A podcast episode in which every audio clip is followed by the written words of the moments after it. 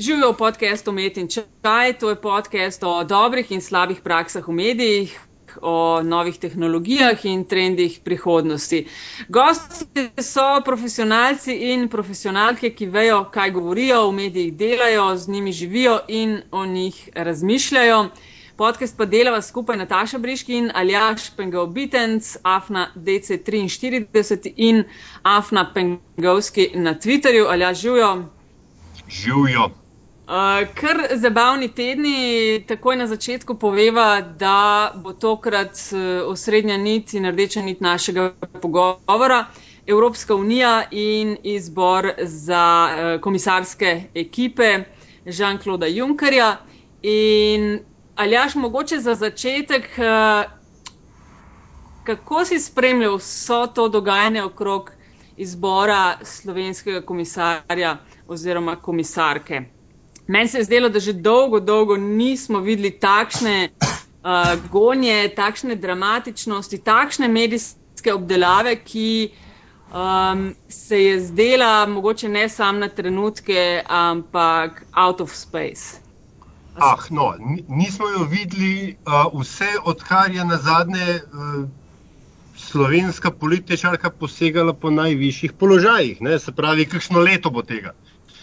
Uh, ja, gledaj, gotovo out of space, uh, out of time, out of wherever, ker tole je bilo nenormalno. Ne? In, uh, če bi v bistvu hotel vleči paralelo, bi jo verjetno na eni strani lahko vlekel z uh, zgodbami okoli afere Baričevič, ki je zelo hitro postala afera Kersal, ki je bila zelo hitro, zelo hitro in tak uh, medijski in, in politični linč. Ne? Ki ja. se v bistvu še danes čisti ne, na sodiščih in se počasi čisti, in na koncu v bistvu ugotoviš, da je vsega skupaj ni nič. Je pa seveda res, da je bil politični lik Katarine Kresal umorjen. Ne, to, to, to je vedno bolj jasno. Uh, ker se tiče najprej Alenke Bratušek in uh, njene komisarske zgodbe, se meni zdi uh, vse to nasledek vseh teh. Uh, komentarjev, ocen, šal, česar koli, od dolžine njenega krila, versus dolžine njenega mandata, do barve čevljev, do leopardjega ozorca, do vsega Boga. Aj še na koncu prideš do tega, da če bi bil na njenem mestu z enako dozo, bodimo iskreni, slabe priprave, da ne rečemo slabega znanja. Če bi bil na njenem mestu moški, bi vsaka zgodba v, doma, v, v, domačem, uh, uh, uh, domači medijski klovaki potekala dosti drugače. To je, to je moja ocena. Mm, no, bo takoj uh, šla še k najnemu gostu. To je Matjaš Trošt, dopisnik RTV Slovenija iz, iz Bruslja. Matjaš, živijo. Živijo obema. Uh, Matjaš, napovej še ti, kako si, ti si pa od blizu bil uh, slovenskih dopisnikov, vas je koliko v Bruslu skupaj? Pet, štiri? Štirje smo stalni dopisniki. Da. Štirje in za to posebno priložnost je prišla gor, še, so prišli še kolegi drugih medijskih hiš, tako da se je ta številka ukrepila. Ampak daj ti povej, kaj si od blizu, ki dihaš ta Brusel, ki si v parlamentu, v komisiji, non-stop v. Uh, pogovorih z ljudmi, ki tam delajo, kako si ti vse skupaj to doživljal? Da si imel zelo veliko dela, eh, smo lahko videli in slišali. Uh, ja, zelo veliko dela je bilo. Ja. Tako da v bistvu vse ne vem, koliko časa bomo še strnjevali te uh, vtise. Včeraj smo se pogovarjali, da bomo šli čez nekaj tednov v bistvu čisto dobro vedeli, pa znali oceniti, kaj vse se je zgodilo in kako, kako je šlo to sosledje teh dogodkov. Um, na začetku smo pač dobivali te neke informacije. Ne. Začel se je itak že sredi julija, ne, konc koncev. Takrat, ko je Jean-Claude Juncker rekel, jaz hočem žensko z najvišjega položaja, liberalko, če se da. In uh, takrat se, so se začele sestavljati domine, in potem je bilo veliko tega kreganja ne, v Sloveniji, ki je pač prišel na bruselski parket. Ne. In potem vse, vsi ti očitki, vse te vse te zgodbice, vse te zgodbe, ki so sočasno nastajale, tako nova vlada, pa potem um, to, da pač Alinka Bratušek svojo stranko ni šla v njo in tako naprej. Ne, vse, vse je nekako kulminiralo v tistem zaslišanju in v tisti sobi uh, tam v Evropskem parlamentu. Um, in, um, Jaz sem, v bistvu, mislim, mi smo že na začetku opažali, ne, kako zanimivo vzdušje je bilo. bilo pričakovati je bilo, mislim, ljudje so hodili tja v številkah, ki so nenormalne za neka zaslišanja v parlamentu. Ne. Je šlo res za ful pomemben položaj. Ampak tam so ljudje prišli gledati šov, ne. šli so gledati linčanje, šli so gledati nekaj, da se bo nekaj zgodilo, kar se v prejšnjih zaslišanjih ni.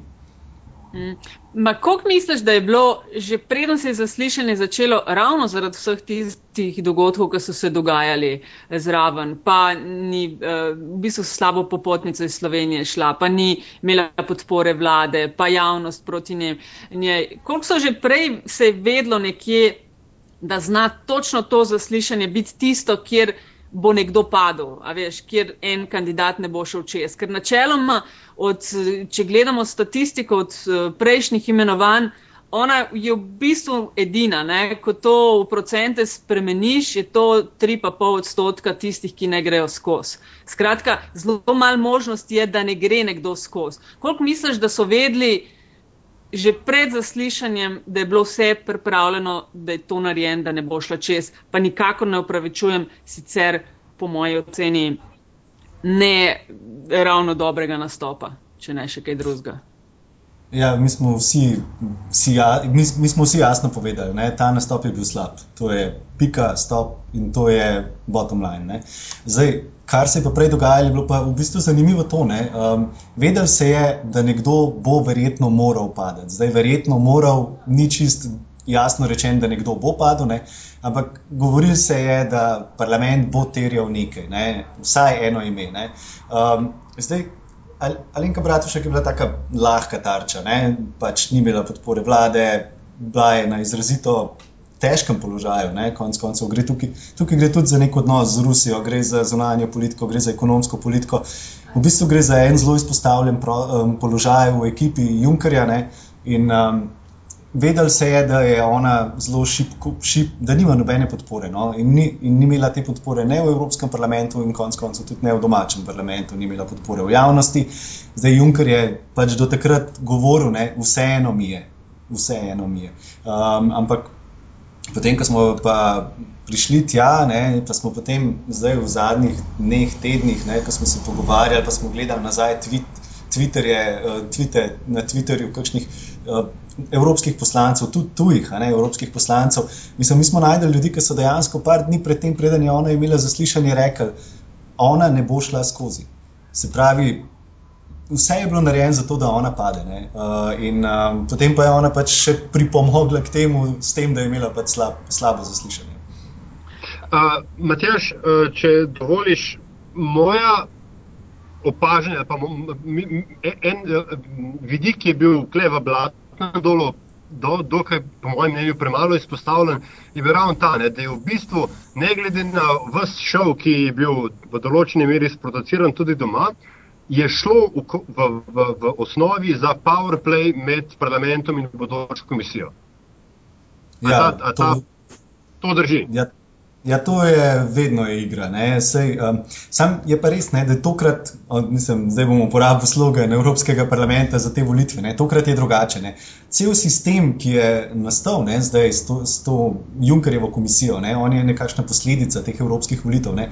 In ni bilo za pričakovati, da bi tudi zaradi tega, ker so socialisti pa Evropska ljudska stranka v nekakšni veliki koaliciji da bi se kaj dost med sabo bockali. Se pravi, pričakovati je bilo, da bo nekdo tretji nastradal. Zdaj, kdo tretji lahko nastrada, možnosti je mal, malo. Ne? Konec koncev imamo pač možnost še uh, Britanc, ne? ker je uh, konzervativc, ki, ki ne sodi ne v eno, ne v drugo skupino, ali pa še en liberalc. Ne?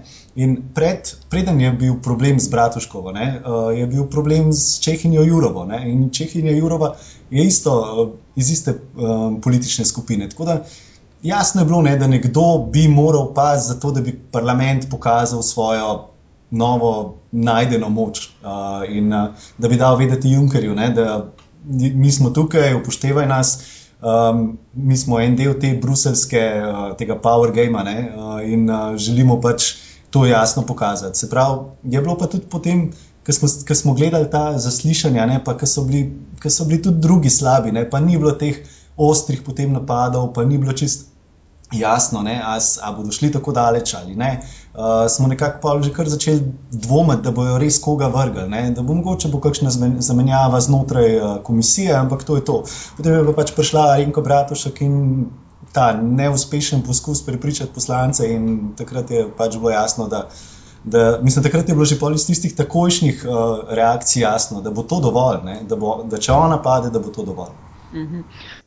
Matjaš, v eni od svojih zadnjih kolumn si pisal o tem, da na teh zaslišanjih v bistvu evropski parlamentarci in Evropski parlament doživljajo svojih pet minut slave. Lahko mal razložiš, kaj si imel s tem v mislih? A je to tako, da sicer je Evropski parlament telo, ki ga nihče ne upošteva, ne upošteva in ne jemlje tako zelo resno, da potem, kadar so kamere v tolikšni meri prisotne, pa mediji v tolikšni meri, uh, da skušajo izkoristiti za ne vem.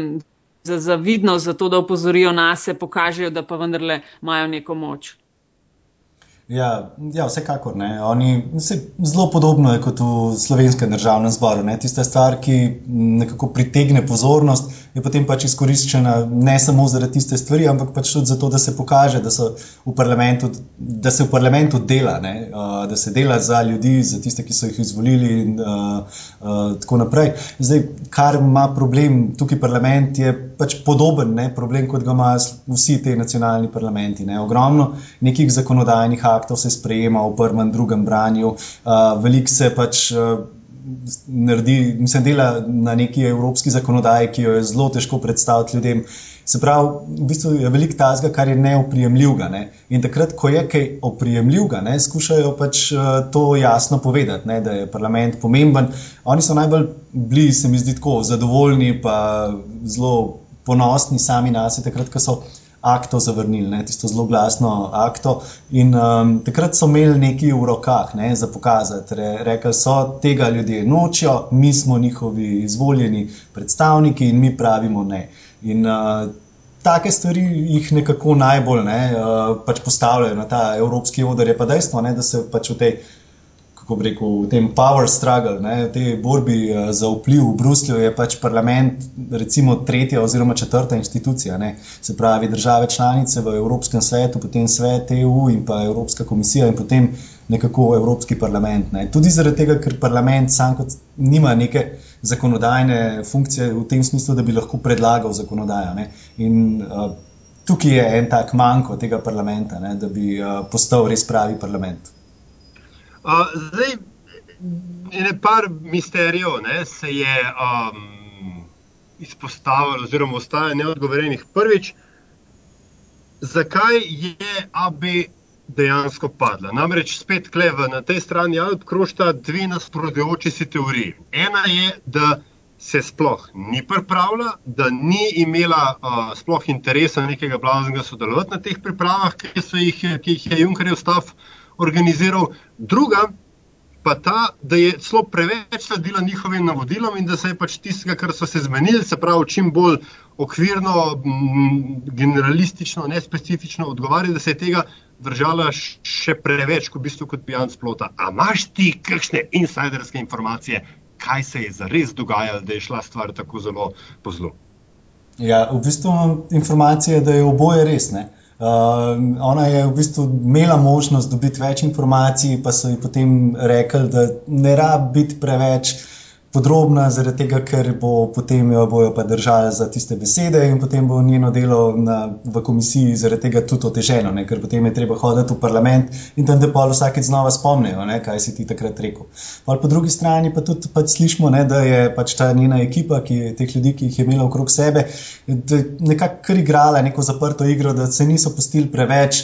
Uh, recimo, preveč podrobno briferati, da niso bili dovolj odprti, uh, da niso šli med poslance, ne, uh, da niso naredili te, te domače naloge. Se pravi, da bi dal ena na ena osebam, ki bodo odločile o njihovi prihodnosti, jasno vedeti, da jih imajo za relevantne. Zdaj, kako se je Alenka Bratušek pripravila, je v bistvu težko reči, ker če se je samo tako, kot je potem kazala, ne, potem se je slabo. Uh, če pa je bila prepričana, da je to pravi način, potem je pa v bistvu tudi narobe, da so jo v to prepričali. Um, zdaj, definitivno je ona, vse, mislim, da je tudi sama rekla, ne, da je sama kriva, da se je od sama odločila za tak način. Ampak tle so res želeli neko vizijo. Ne. Ves čas so ji govorili, ja, ampak kako pa vi vidite ta resor, ne. ker jim je več ali manj bilo jasno, ne, da, da v tej komisiji, zdaj, ki je malo drugače strukturirana da se, da se področja prekrivajo, da ni čist jasno. Tudi v drugih teh hearingih je bilo jasno, da ni, ni logično še razporejeno delovno področje enega podpredsednika in pa potem teh resornih komisarjev. Da tega preprosto še ni, ne? in da v bistvu bo šlo za neko kohezijo, in da v bistvu ona bi morala dejansko pokazati sam neko tako vodilno vlogo, vodstveno vlogo takrat. Je pa res, ne? da bi morala že prej iti med ljudi, iti med poslance uh, in se z njimi pogovarjati, jih slišati. To je tisto glavno. In zdaj, mogoče, če preskočim ne, na zdajšnjo kandidatko Violeto Bulc. Um, jaz, ki se zdaj z ljudmi pogovarjam, oni pravijo, da ona sliši ne, tisto, kar izkušajo povedati. Kar je mm. mogoče res ta razlika ključna. Ne. Ja, PR v bistvu. Ne. Ja, definitivno. Mislim, tudi uh, način, ne, na katerega je Violeta Bulc ne, zajela ne, ta možnost tega položaja v Evropski komisiji, je drugačna. Ne. Ona je stopila po pogovoru uh, s, z Junkerjem pred novinarje, sicer ni povedala nič posebnega, ne, ampak je pa nekaj povedala ne, in je dala neko sporočilo, neko tako optimistično sporočilo. Pol, uh, mislim, dobila se je z evropskimi poslanci iz Evropske ljudske stranke, se pravi, nekakšnimi, rajde, recimo, političnimi tekmeci, sovražniki celo, ne, in jih skušala dobiti na, na svojo stran, jih je poslušala, jih je verjetno tudi slišala. Ne.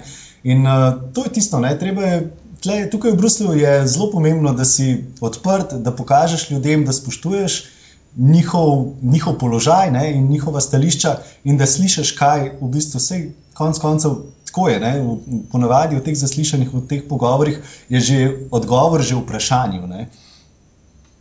A misliš tistega, seveda, ki sprašuje? Uh, kako, si pa, ja, ja. kako si pa videl, uh, Matjaš, ki je Aljaš recimo omenil tudi, kako je v bistvu vse skupaj en PR. Ne?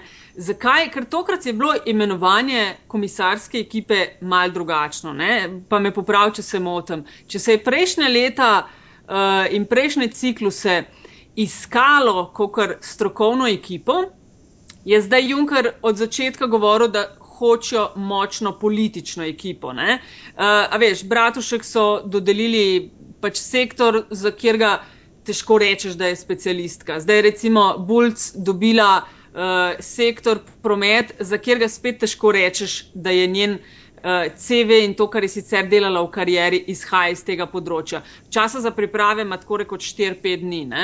Uh, je vse pol točno v tem finta, koliko obiskuješ, koliko dolgo kavo s kom piješ in koliko dolgo komu poveš, kako zelo, ne vem, spoštuješ, kaj delajo in zakaj so tam, kjer so. Ja, pa, mislim, vse to, pa zraven pa še imeti neko idejo, kako boš do tega prišel, ne? do neke te vizije, ki jo imaš, na kakšen način boš delal, kaj, boš imel, kaj bo vem, podlaga za to, kar boš počel. Um, Veliko velik stvari je, ne, ki jih je v bistvu Alenka Bratušek naredila napak. Um, in uh, ogromno stvari se da izboljšati. Zdaj, zdaj noben, nihče za res ne verjame, ne, da bo zdaj to zaslišanje uh, v tem odboru za transport za Violeto Bulc pol toliko težko, kot je bilo tisto ne, za Alenko Bratušek, ker se preprosto vse že dela v tej smeri, da bo Evropski parlament v sredo glasoval v komisiji in jo pač potrdil. Um, zdaj, če se vrnem na začetek ne, vprašanja. Um, Juncker je dejansko res hotel politike. Ne? On ima zdaj v tej svoji podpredsedniški ekipi, recimo, tri nekdanje predsednike vlad, pa uh, zdaj ponovim pač tega Šepčoviča, ki je bil podpredsednik uh, komisije, oziroma je podpredsednik komisije zdaj pri Barozu, uh, potem pa še dva zunanja ministra, pa še eno komisarko, ki je ena najbolj cenjenih, se pravi ta Kristalina Georgijeva. Se pravi, on je dejansko hotel sporočiti, da to je moja ekipa zelo močnih političnih oseb. Zdaj, on je najprej hotel imena. Ne? In potem, ko so bila ta imena potrjena, je šele dodeljeval resorje. Se pravi, dejansko nihče ne more reči, ne, da je strokovnost tako zelo pomembna bila v tej, v tej, v tej luči. Ne. In težko bi, ne, težko bi prejudicirali, ne, če ne vemo, kakšen, kakšno osebo oziroma kakšen profil potrebujemo za nek položaj, da bi potem mislim, težko, težko damo neko strokovno osebo, če ne vemo, za kjer položaj jo damo. Ne. In uh, tukaj, mislim, zanimivo je bilo, ko so Italijani predlagali svojega kandidata oziroma svojo kandidatko pod Poljaki. Ne. Oni so pač jasno dali vedeti, mi predlagamo tega in tega za točno določen položaj, torej za visokega predstavnika za zunanjo politiko. Potem, ko je bil uh, Poljak pač ni bil izbran, so Poljaki uh, kandidirali neko drugo osebo. Ne. Um, se pravi, je možnost malo vplivanja, ampak je pa tako, ne. Pač uh, Juncker je želel imena. Potem pa vse naprej so pa vprašanja, ne, eh, kam, kdo, kaj. In dejansko ne vemo, ne, zakaj se je pri Alenki Bratušek, Bratušek odločil za tak močen resor, za tak položaj. Ker dejansko no, to mogoče čez nekaj let, ko bo pripravljen kaj povedati o tem, pa mogoče pa bomo izvedeli. Ne. Na no, vse tukaj pridemo ne, do enega od ključnih vprašanj. Jean-Claude Juncker, človek, ki ima tako kilometrino v domači in evropski politiki, o kateri lahko dan danes v EU, po mojem, marsikdo samo sanja.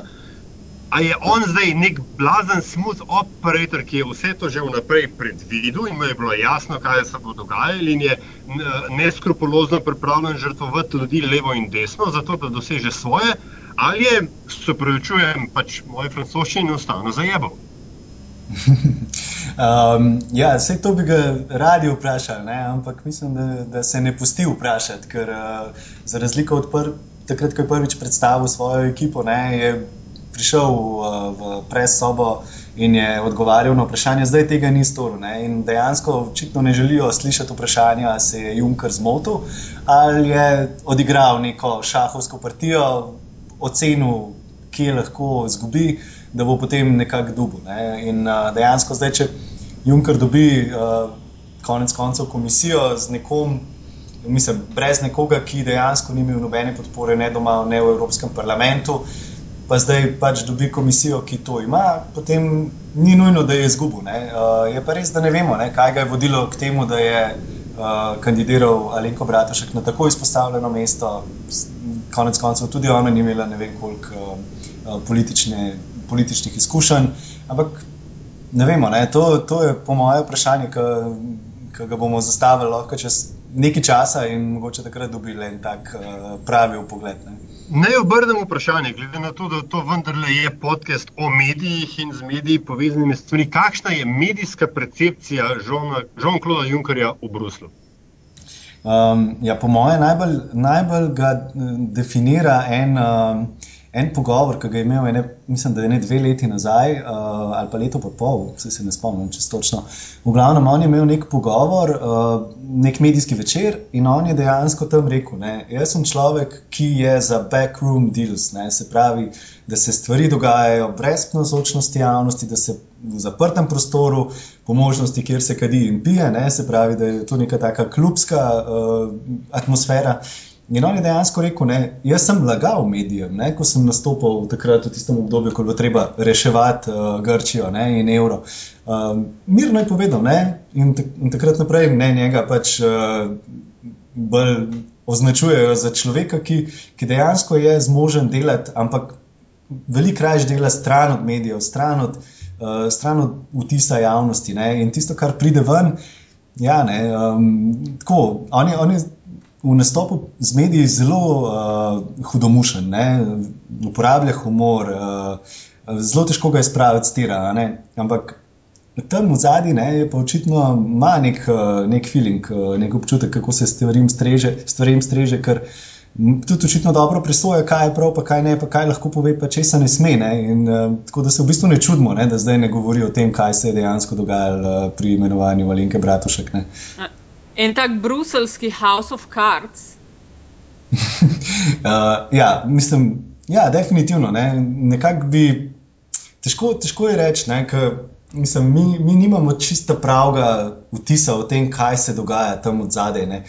Včasih je to tako, um, nekdo nam pride kaj povedati pa potem pride nekdo drug nekaj povedati, in sta to čist drugi, drugi sliki. Ne? In jasno je, ne, da pač oba dva skušata vplivati na to, kako bomo mi razmišljali o tem, kaj se je dogajalo in kako se je zdaj to zgodilo, in kakšen je sploh izkupiček, kaj je dober za nas, za une, za tretje. Ker poanta te EU ne, in teh backroom delov je ravno v tem, da ni noben zmagal. Ne? No, da je malo o tem govor, eh, koliko skušajo iz različnih strani vplivati na to, na kakšen način poročate. Veš, kaj se spomnim ob tem, recimo, eh, tistih prvih tvitev, da je Alen, Alenka Bratušek odstopila, ne? medijski spin, ki so ga pol iz njenega kabineta popravljali, da to ni res, pa pol iz Bratuškovga, iz Junkerjevga kabineta celo na hiter sklicana tiskovka oziroma izjava za javnost. Kolikrat ste imeli feeling, da vas uh, skušajo prpelati žene čez vodo? Uh, vsak dan. ja, ne, kar se te, te zgodbe tiče, definitivno uh, vsakih dve, dve minuti, 20 minut. Jaz, jaz se spomnim, da sem tisti dan, ko je ona odstopila, pa ni odstopila, pa je potem še naprej bila kandidatka, pa je potem odstopila naslednji dan. Uh, jaz sem takrat se, ne vem, pogovarjal s kakšnimi 20, mogoče celo 30 ljudmi, niti en niti en um, njihov, ne vem, njihova interpretacija, kaj se je zgodilo, ni bila enaka drugi. Ne. In um, je, dejansko je bilo tako, ne, da zjutraj, ko so oni gledali ne, razpored dela, uh, ni bilo uh, napisano, da bi ta dva odbora, ki sta jo zaslišala, tisti dan imela uh, srečanje, ki je bilo pa napovedano za ob šestih. Ne. In na podlagi tega ne, uh, so očitno nekateri sklepali, da je to pa to. Um, tako da potem se je pa pač vse možno zarolalo, ti znani Alenka Bratušek uh, še hodila po Evropskem parlamentu, se srečevala s člani uh, liberalcev. Um, in tak, tak, tisti je bil nek power struggle, ne? Tist, takrat se je iskalo neko poti, poti kam, kako zdaj, kam zdaj. Ampak jaz sem dobil tako občutek, no, kot sem se pogovarjal, da vsi pa pričakujejo, da bo odstopila. Ne?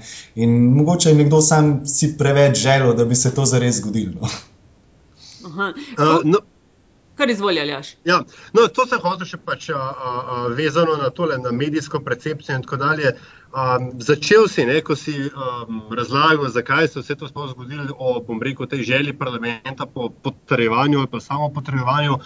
In uh, tisti, ki smo hodili na FDV v času, ko je Slovenija pristopila Evropske unije, so nas vedno ne, pitali, kako je v vsakem sklicu, v vsakem mandatu si je parlament enostavno prigrabil več, več pristojnosti. A, a, je, a, a mi lahko mi zdaj že v bistvu govorimo um, o vem, de facto Evropski vladi in de facto Evropskem parlamentu in potem o medijih kot um, četrti ali kakšni že veji oblasti, ki vse to nekako ne bi nadzorovala, in tako dalje, ali gre to še vedno za, pa ne me zdaj na robe razumeti, ampak za neke vrste state-sanctioned PR, ki gre potem v, v, v, države, v države članice v višjem interesu skupne evropske prihodnosti. Si me pa, uh, dobro si me ujel, zdaj pa ne vem, kako ne, na to odgovorim. Um, ja, um, ok. No, um, mogoče začneva s tem PR-om. PR um, je, po moje, tukaj v Bruslu ena najmočnejših dejavnosti. Mislim, to, kar mi dobimo na, na dan PR sporočil, to je neverjetno. Ne? In količina podatkov, količina informacij in interpretacij teh podatkov je enormna. Um, zdaj, seveda, ne, uh, je vse to narejeno zato, da se. Uh, ustvarja vtis pomena, pomembnosti, relevantnosti teh institucij, tega projekta, ne, Evropska unija, um, ki je v svojem bistvu vsekakor dober, ampak ni pa čisto vse tako važno, ne, kot nam skušajo tle um, pokazati, prodati. Zdaj, tisto, kar vi dobite servirano v Sloveniji, je v bistvu že kar zelo dober. Destilirana različica tega, kar mi tukaj dobimo. Zdaj, to je pridemo pa k temu bistvu ne, tega novinarstva, ne, se pravi presoja informacij, fact-checking, čist preprosto iskati nekaj, kar je relevantno za nas.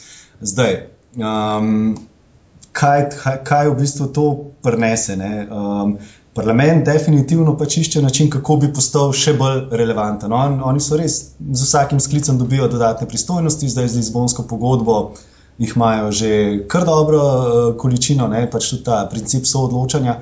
Se pravi, da morajo tudi oni pač vse rubber stampati, uh, drugače uh, zakonodaja, pa kakšni sporozumi mednarodni ne gredo skozi.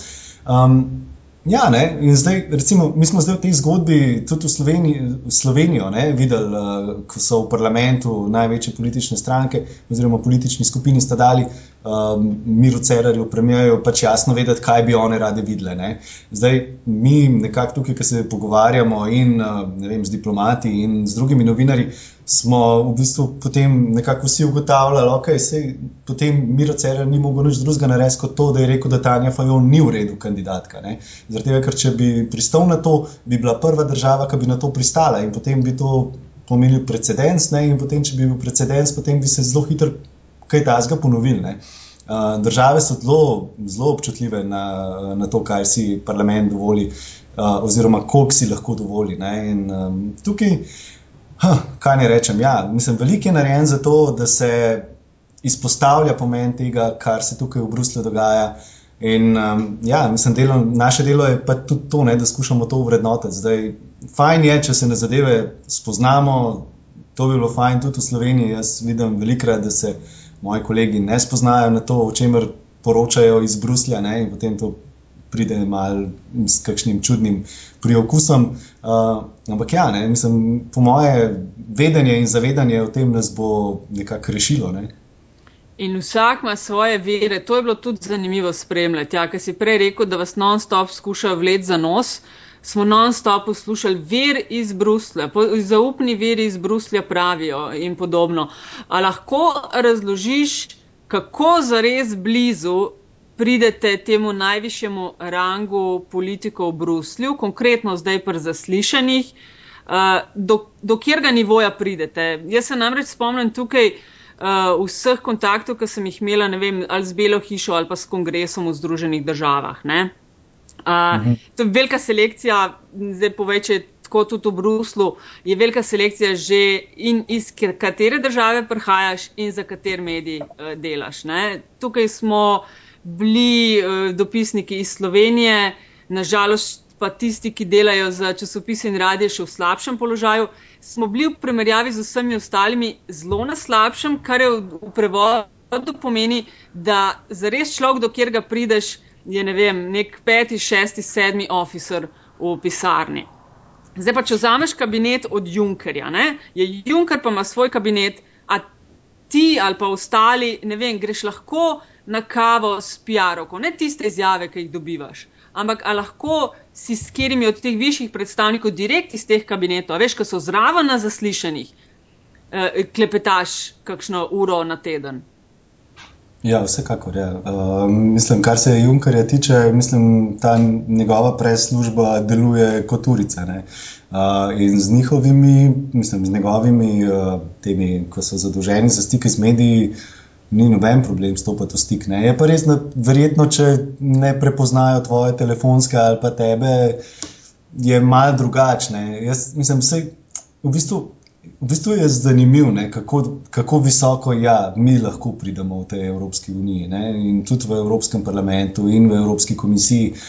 V bistvu je zanimivo zaradi tega, ker ni tako velike razlike med tem, kam pride Financial Times ali pa BBC in kam pridemo recimo RTV Slovenija, pa STA, pa delo. Um, ja, tukaj, mislim, tukaj je vse bolj level uh, playing field in je, in je zanimivo.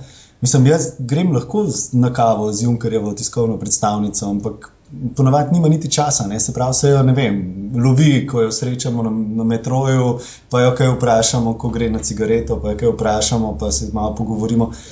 Vse obstaja ogromno možnosti. Ne? Mislim, to, če tam stojim pred Evropsko komisijo celo popoldne, bom ponavadi videl čisto vse, ki jih poznam ali pa ki jih ne poznam. Ne? In tudi, um, ne vem, zdaj na zadnje med tednom sta kolegici, recimo, čist mirno srečali uh, Violeto Bulc ne, in je malo potožila, kako pa kaj, uh, ampak to je med nami.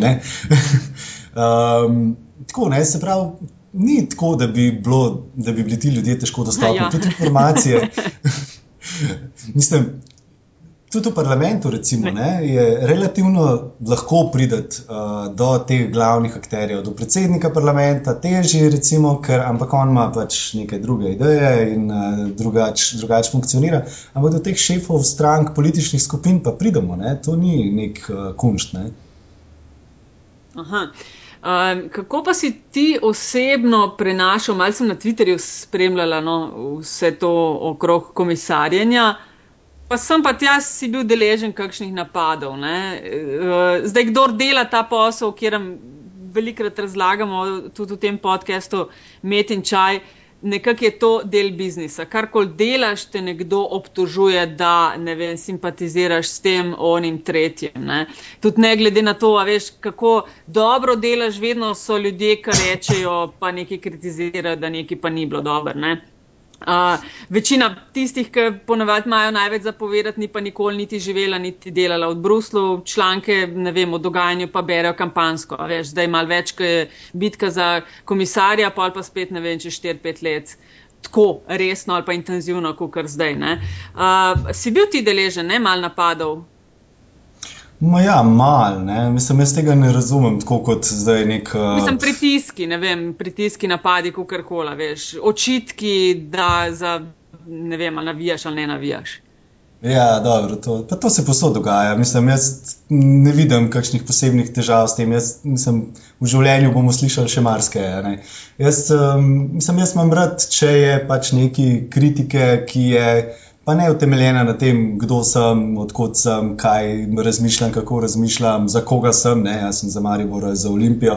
Um, ampak tako, ne, da se pač pogovarjamo o tem, kaj bi se dal boljš, kaj je bilo narobe, kaj je šlo slabš, tako naprej.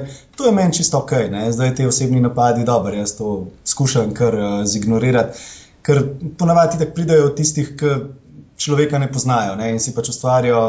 Vem, sliko na podlagi kakšnega tvita, da pa 140 znakov, zato da potem vse vemo, je pa malo mal hudano. Okay, ampak uh, mislim, da tako, če spalec rečeno, ne, je uh, ob tej komisarski zgodbi, zelo kot je Nataša dobro rekla, komisarjanju, uh, Slovenija v bistvu še odkrila. Bruselj in te background deals, in tako dalje. Ker, veš, prej, uno, smo videli komisarske zaslišanja, Kva pa je to, še, še za naše, ko mi vemo, kako potekajo ministerska, pa bomo za komisarska vedeli. Zdaj, kar naenkrat se mi zdi, veš, neko novo odkritje uh, uh, um, te bruselske, evropske politike, da tako rečem. Pa v končni fazi, mogoče cela ta zgodba niti ni bila toliko zelo v nemaru, kot je bila mogoče težka za prenašati v živo. Uh, ja, ne, jaz mislim, da je to bila ena tako zanimiva, pa dobra šola. Ne, tisto, kar se dogaja pri nas uh, v Sloveniji, ne, se pač čuti tukaj pri nas v Bruslu. Uh, zdaj sem za nalaž rekel dvakrat pri nas, ne, ker se zavedam, da je to to, ne, da smo mi pač tukaj in da je tukaj tudi tam. Ne. Um, in nekako. Jaz imam še vedno občutek, ne, da, se, da se mi nekako vedno znova iščemo ne, v tem, ali je ta Bruselj naš ali ni naš, pa nam diktira. Pa tako, ampak sem najbolj izrazit dokaz, pokazatelj tega, koliko je naš je to. Da, da mi dejansko ne pač damo neka, neka, neka sporočila, ne, kaj bomo naredili, kaj bom, ne vem, kakšen bomo imeli proračun, kakšne bodo naše prioritete in tako naprej. In potem nas oni pač spomnejo, ne, kaj smo napisali. In potem mi to jemljemo kot diktat. Ne, ne pa tako, kot da so nas oni spomnili, da ste vi to napisali. Ne. Se pravi, treba, mislim, fajn je, da ga razumemo. No? Uh, in le, če to kaj pomaga, da bodo ljudje malo bolj pozorni. Pa ne toliko do Brusla, pa mogoče raje do tistega, kar se pri nas dogaja, tudi v kontekstu tega, kako to tukaj izpade in kako to zgleda, ali je nekaj bilo dobrega narejeno v tej zgodbi. Um, Matjaš, katere priporočaš evro spletne strani je treba spremljati in katere so recimo zgolj lobby trobila? Zdaj prav je bilo zelo lepo spremljati in gledati vse na primeru zaslišanj. Ne? ne vem, European Voice, EU Observer, ti jih veliko več poznaš. Katere priporočaš, da človek dobi najbolj neko normalno, realno, razumsko sliko o dogajanju in ki niso takšne, veš, da boš vedel takoj, ko boš pogledal, kdo piše, vedel, kaj zagovarja in zakaj tisto zagovarja. Ha, to je dobro vprašanje. Jaz mislim, da je najboljše vse tri prebrati, se pravi EU Observer, European Voice, uh, Euroactive, um, pa še kakšnega, če ga najdete, FT, se pravi Financial Times, Brussels blog. Um, vse to in potem si pač ustvariti mnenje. Ker, um, to je tako, kot pač, zgleda naše delo. Ne? Tudi nam skušajo dati neke informacije, za katere bi želeli, da pridejo ven. Um, tako tudi njim dajo. Sej, sej vsa, vsa ta struktura deluje na zelo podoben način. In, um, zdaj težko je reči, koga spremljate. Spremljate EU Observer, oni so v redu, spremljate European Voice spremljate Euroaktiv, ampak imejte v glavi, da vedno obstaja možnost, da obstaja kakšen interes, se pravi, treba je vsak stvar, ki jo vidimo, preberemo, ne glede na to, da je iz tujine ali pa je iz Brusla, s kritično distanco, oceniti. Sej, to je to, ne, mislim, ta intellectual reading, ne, mislim, prebereš in razmišljaš o tem, kaj si prebral. Ne. Ampak, Matjaš, nimamo časa za vse, brat, vedno. Koga, kje, Zdaj... koga na Twitterju, komu slediti na Twitterju za recimo EU novice, kdo so po tvojem najboljši informirani? Um, Ja, jaz bi rekel, da mi, slovenski novinari, ne vsaj zato, kar se nam uh, zdi zanimivo, pa, uh, no, ampak lasna hvala pa to. No? Uh, ne, uh, jaz mislim, da te, ki imajo itak največ uh, odmeva, ne? se pravi Peter Spiegel iz Financial Timesa, Dave Keating, pač uh, European Voice, potem Georgi Gotev je Euroactiv, Valentina Pop, EU Observer. To so recimo fajn ljudje, fajn novinari uh, in tudi ne bi pisali neumnosti, ne? um, znajo prisoditi, kdaj je kaj smiselno in kdaj kaj ni smiselno. Potem pa, pa seveda tudi Wall Street Journal, pa, um, vem, pa Spiegel, kakšni njihovi novinari, uh, nemški. Sem tam se že vidi malo drugačen pogled. Ne? Nemčija vseeno drugače dojema uh, to Evropsko unijo. Pri tistih angliško govorečih ne, se tudi čuti malo drugačen pogled. Ne? In Zaradi tega sem najprej rekel, ne, da slovenski uh, bi bili tisti, ne, ki bi bili najbolj relevantni za nas. Ne, ker ker konec koncev mi moramo vedeti, kakšno je, kakšno je stališče Britancev ne, ali pa teh ključnih britanskih političnih strank in časopisov v končni fazi do Bruslja in do evropskih politik. Sprav, vsako stvar, ki jo preberemo, se moramo malo zavedati, odkot je prišla. No. Ali lahko nekaj preznam? Jaz sem Do, do zdaj sem bil pripričan, da je Peter Spiegel v bistvu Peter, ki dela za Držpigel. Držpigel, ja. A veš, kaj, veš, kaj imajo ful veliko novinarjev, ima ime, ja, ja. pa ime medija. No? Ja, ja. ja, jaz mislim, okay, da, mislim da je on zelo američan, no? uh, ki Evo, dela za britanski časnik da, in se ukvarja z Evropsko unijo. Ne? Se pravi, on ve, koga poklicati v Evropski uniji. Ja. No, ej, še nekaj, še nekaj, nekaj smo že pri tehnikali. Včeraj sem prebral, uh, breaking news na BBC-ju, da je euroskeptična poslanska skupina razpadla. Da. Zakaj? Ka, mislim, čist, če govorimo o Evropski uniji in o parlamentu. No? Zakaj, zakaj se je zgodilo? Ja, zakaj, zakaj, se, zakaj se je zgodilo, ja, oziroma zakaj ne more biti ustanovljena, kako že to? Ne vem, dej, objasniti to meni. ja, v bistvu zdaj čist tehnično razpadla je zaradi tega, ker je latvijska poslanka izstopila in uh, ta skupina nima več uh, več kot 25 članov iz sedmih držav uh, Evropske unije. Vidiš, to me zanima, če čisto. Se pravi, imamo uh, tudi ta dvojna, kako že dvojni ponder ne, in, in, in, ja, število, ja. in število držav, ne. tudi v parlamentu to laufa. Okay. Ja, ampak zdaj, pa, če te pa res zanima, zakaj je razpadla, ja, je, pa, ja. je pa v bistvu vprašanje, bolj, zakaj je sploh nastala. Uh, zaradi tega, ker je to bila neka priložnost, priložnostna ne vem, uh, skupina, ne, ki je imela eno samo skupno skupno idejo in to je bil ta nek euroskepticizem, neuprijemljiv, nejasen, se pravi, nekaj, kar bi lahko družili, ampak se je pa zdaj očitno pokazalo, da to nikakor ne druži. Ne? In tudi, tudi takrat smo se veliko igrali s tem, da bo Marine Le Pen, ki je zmagala v Franciji na teh volitvah uh, kot šefica nacionalne fronte, ali bo njej uspelo vzpostaviti neko uh, skupino. Eh, politično skupino, in smo tudi hitro ugotovili, da ne bo šlo, ne? ker preprosto so te evroskepticizmi znotraj držav v bistvu izrazito nacionalni. Ne? In v bistvu to spraviti skupaj, pa da bo potem držal, je, to je ne mogoče. Ne? Oni nimajo nekih skupnih interesov, ne? oni imajo skupen interes samo to, da so anti-Brusel.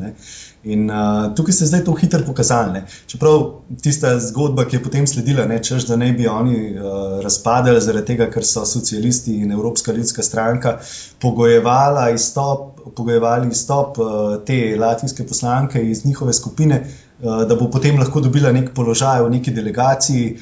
To je čist možno, ne? ampak je pa tako. No, mal, če je samo to razlog, da je potem šla ona ven iz te skupine, to samo potrjuje to, da dejansko ni imela nič skupnega. Ne? Kako zelo slovenske teorije. Ja, prav, prav, ja. Vesel sem, ko to slišim. Ja, prav res je. Ja, veš, da sem na to pomislila. Takšni so najboljši. Ja, veš, delajo kampanjo proti EU, eh, cilj je prideti v EU in ko se noter usedejo, pa pa uh, vidijo, da je pa EU sen mogoče kaj več od tega, kar govorijo. Pa da, ne, da bonitet niti ne omenjam. Ne. Ja, jo, ja. ja. Ja, ker to, če imaš politično skupino, to je kar nekaj evropskega davkoplačevalskega denarja zraven. Ja, ja. Uh, Matjaž, uh, jaz sem se zdaj spomnila, Aljaž, da sem pozabila Matjažu poslati, da se pripravi za zanimivost. Nisi pozabila, ne, ker si ga zdaj čakala, si ga in ga boš presenetila. Jo, čist sem pozabila, ampak ok, preden grem na zanimivost, da ti bo stane še nekaj sekund, da razmišljaš o tem. A veš, Matjaž, za Brusel, za poročanje iz Brusla se velikrat govori, da je dolgočasno, da so EU teme dolgočasne. Zdaj, ponavadi je pa tako, vsaj meni se je vedno tako zdelo, bolj, ker si se v kakšne stvari spuščal v detajle, bolj so zanimive bila tudi vsa dogajanja v ozadju, koliko se sklepajo zavezništva, zakaj se kaj sprejema, kateri lobiji dajo denar, da nekaj gre in nekaj drugega ne gre čez. Uh, kako ti odgovarjaš na te? eh, očitke, da, a veš, tudi, kadar gledaš rejtinge oddaj informativnih, kadar pride do zonanje politike, če ravno ne gre na, za kakšne katastrofe epskih razsežnosti, so običajno zonanje politične teme manj gledane. Da o EU niti ne govorim, izjema zdaj pač to zaslišanje. Uh, kakšen je tvoj odgovor na to? A bi ti poročal o istem, če bi se lahko sam odločil, kaj bi poročal določen dan o dogajanju iz Brusla? Um, da moraš paziti, ja. kaj boš rekel. Jaz, v bistvu, mislim, v veliki večini primerov bi se odločil, kot se pač odločimo. Um, obstaja pa ogromno stvari, ki jih ne uspem pokriti, um, pa niso tako povezane ne s parlamentom, ne s komisijo in tako naprej. K, mislim, tako, no, tega belgijskega življenja, pa francoskega življenja nimamo praktično na nič. In, jaz mislim, da na tak način take stvari bi bile veliko bolj zanimive ne, za pogled, predvsem za pogled, ker se več ali manj govorimo o televiziji. In um, tukaj nam, seveda v Bruslu, ko so ta zasedanja, pa ko potem sprejemajo neke zakonodajne svežnje in podobne stvari, slika tam ne more biti glih. Ne vem, kako zanimiva. Uh, Zanimivo je potem lahko, ne, ko nekdo naredi nek follow-up doma, ne, kaj bo to pomenilo za tega kmeta, ki ima zdaj toliko in toliko prostora, pa toliko in toliko živali, in da se pač pokaže, ne, kaj dejansko to pomeni. Zdaj tukaj, ja, priznam, slika ni dobra, ne, ne da se narediti tega ne vem, z, z nekimi ognjemeti, pa ne vem, kako zanimivo. Ampak tako je, ne, pač ta, ta post je tak, da je. Ja, veliko uh, te politike, veliko je nekega dogajanja od zadaj. Uh, in veliko je tega, da ti dejansko nihče ne bo nič povedal, če to ne bo v njegovem interesu. Ne.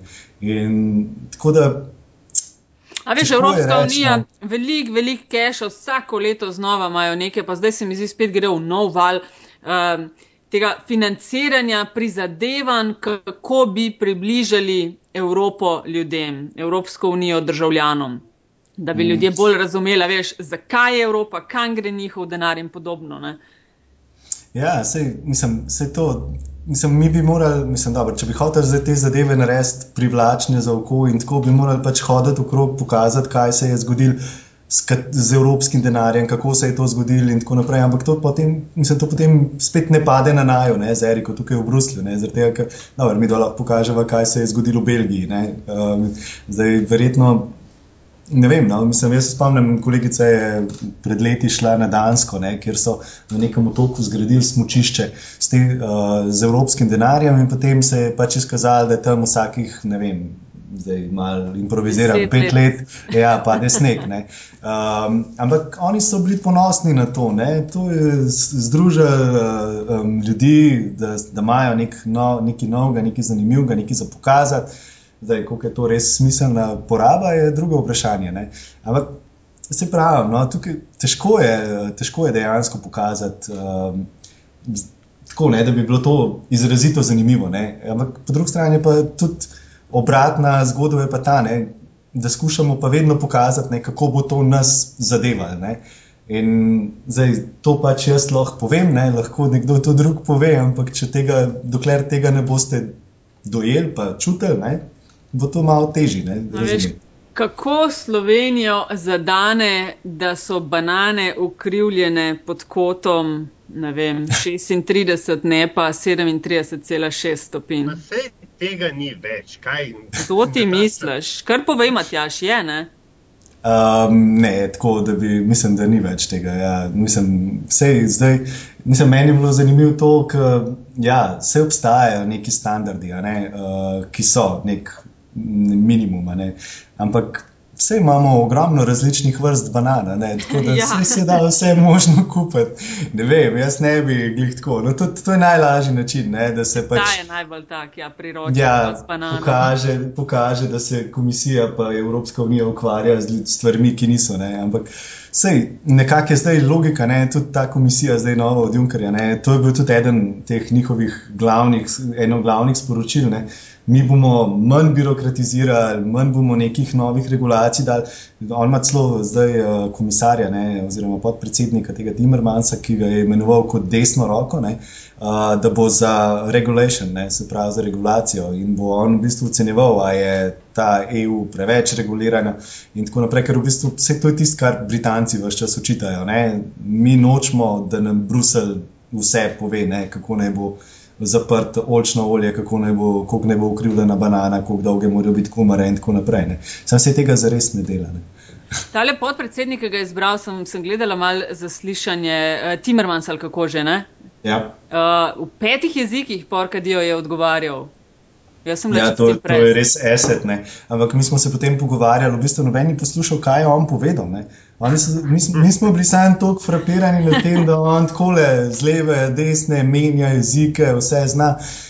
Uh, noben se pa ni ukvarjal s tem, kaj je povedal. No. Padl na osnovno forum. Ja, ja, vsekakor. Ja. Noč, kaj, Ljač, greva kar na zanimivost. Ja, dajmo, ker drugače bomo začeli pravljati.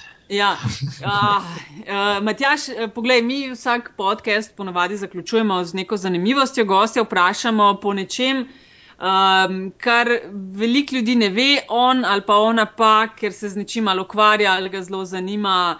Ali ne vem, spremlja kakšno področje bolj kot vsi ostali. Ne? Zdaj, jaz se ti res opravičujem, ker to ponavadi pošljem vnaprej po mailu, da se vsaj lahko malo pripravimo. Uh, Jaz tebe sumim, da ti to vsem poveš, da pošleš to naprej, pa pa ne poveš. Ja, ja, zdaj si me dobil, to je res, ampak to med nami. Um, tako da, če ti pade na pamet, mogoče lahko iz dogajanja zadnjih nekaj tednov, kakšna zanimivost, ki bi, jo, ki bi jo želel, ki bi se upal deliti z poslušalstvom podcasta Met in Čaj, si zelo, zelo lepo vabljen, da to narediš zdaj. Kako pa mora biti to res zanimivo? ja, preizkusna. Imeli smo že zelo različno, ne aljaš. Eh, imeli mhm. smo iz soočen uh, zanimivosti, polje, recimo, ja, veš, traven, še zdaj ne morem pozabiti tisto solato. Ne? Ja, ja, Tista, ja. da je vreme takšno, da ne uspeva letos najboljš. Ne? Zdaj ima veliko časa, komunirati na volitvah. Aha, točno, ja, ni uspel postati župan Bohinja. Uh, tako da zelo različno smo imeli, veš. Uh, je v bistvu čisto od gosta oziroma gosti odvisno, kar želi. Da vidiš, kako ti oceniš, kaj bi bilo zanimivo. Tudi to je zanimivo, veš. No, lahko mogoče kot zanimivost povem, da sem, um, ja, da verjetno sem eden redkih, ki se je zdaj tako um, pogovarjal ne, z Violeto Bulc po telefonu, ko je imela še čas um, in je pač name naredila relativno dober vtis. Ne. Pa se nismo pogovarjali o ničemer posebnem, ne. se pravi, da bi mi kaj vsebinskega povedala. Ampak um, jaz, jaz bi tako rekel, ne. ona je dejansko oseba, ki je, uh, je sposobna narediti dober vtis v petih minutah. In, um, Meni je bilo zanimivo to, ker potem, ko sem se jaz to pogovarjal, pa to ugotavljal, uh, so se še drugi potem pogovarjali z njo in to ugotavljali, in so se politični nasprotniki uh, pogovarjali in ugotavljali. Tako da zdaj v bistvu zanimivo pri tej zgodbi je verjetno to, ne, da um, tisto, kar meni daje eno tako upanje, ne, da mogoče novi obrazi v politiki niso nujno slabi. Ne, ker mi imamo v Sloveniji imamo večkrat te, uh, te potem pa vzponi, pa paci, pa je neka stranka vele, uh, super in tako naprej, pa se potem vedno znova pojavljajo stari obrazi in tako naprej. Um, mislim, to, kar, kar je zanimivo, je, ne, da je treba dati mogoče ljudem možnost. Ne. In kar je pa še ena zanimivost v Belgiji, je pa ta, ne, ki potrjuje ne, to, kako je treba v bistvu pustiti ljudem, da so kar so, pa da se pustiti presenetiti. Ne. Uh, Ministrstvo za zdravstvo, zdaj te novi vladi vodi um, um, gospa, ki mislim, da tehta več kot 100 kg, se pravi ministrica za, zdrav, za zdravje um, in um, je še poleg tega splošna zdravnica. Um, in v bistvu njo napadajo. Ne? Zdaj, ti si tako velika, ogromna, uh, mi pa furamo, zdrav, zdrav duh v zdravem telesu. Ne? In, um, in v bistvu daje jim sporočila, ne, češ, da mogoče pa ni videti tisto, kjer se skriva zdravje, ne, ampak uh, malo više, ne, mislim, v glavi. In, uh, ta strop je više. Ja, ja in uh, to, to so mogoče ta sporočila, zdaj zanimiva, o katerih ne moramo veliko govoriti. Pa mogoče bi se zdela komu zanimiva, ne vem, kako me boste pa videli ocenili. Meni se zdi pri tej zgodbi nekaj drugega zanimivo, ne? da Belgija dejansko ima vlado. Ja. ja, ampak, ampak tej vladi se reče kamikaze koalicija. Uh, tako da to, je, to pove vse. Uh, jaz sem se zdaj pogovarjal sicer z valonci, ne? tako da, da bo jasno, odkot je to. Um, in noben ne daje uh, tej vladi več kot do božiča časa. Ne? Glede na to, to, so, to, to je skupina ljudi, ne? ki so prišli v vlado zato, da bojo vladali brez socialistov um, in so zdaj pač spet neka raznovrstna koalicija. Zaradi tega pač samo morilska koalicija, ne, se pravi, kamikaze, nekaj, kar traja kratek čas, naredi veliko škode, ne, ampak zraven tudi, uh, tudi umre. Ne. Oh, not again. Zdaj so bili, koliko ja. let so bili zdaj brez? Uh, ne, zdaj ni bilo tako hudo, zdaj je bilo od 25. maja, samo to je par yes. Ja. mesecev. Uh, ja, pa predtem, pa predtem. Ja, no, predtem ja, pa več kot 500 dni. Ja. To so malenkosti. Sam to sam, takrat je bilo pač jasno, jasno uh, pokazano, ne, da država ne rabi nujno polnomočne vlade za to, da pač funkcionira. Ne. Ja, Matjaš, najlepša hvala za pogovor in za te zanimivosti na koncu. Ja, jaz upam, da je bilo zanimivo tudi komu drugemu. Pa hvala vama. Hvala tebi. No, spoštovani in spoštovane, če ste uživali in morda biti kaj novega izvedeli o poslušanju podcasta Met in Čaj, bomo res veseli uh, vaših tweetov, všečkov, šerov, česar koli, to je res fajn. Uh, komentarji in predlogi, kako bi bili lahko še boljši, tudi dobrodošli na info afnametina.si. Uh, če pa želite naše ustvarjanje in podcaste in vsebin na metini listi finančno podpreti, lahko to storite na povezavi priloženi na spletni strani. Prisegamo, da z vašimi investicijami ne bomo financirali pornografskih kanalov, ne bomo se šli tajkunskega odkupa metine liste in tudi ne razmišljamo o prevzemu Pop TV-ja. Hvala lepa.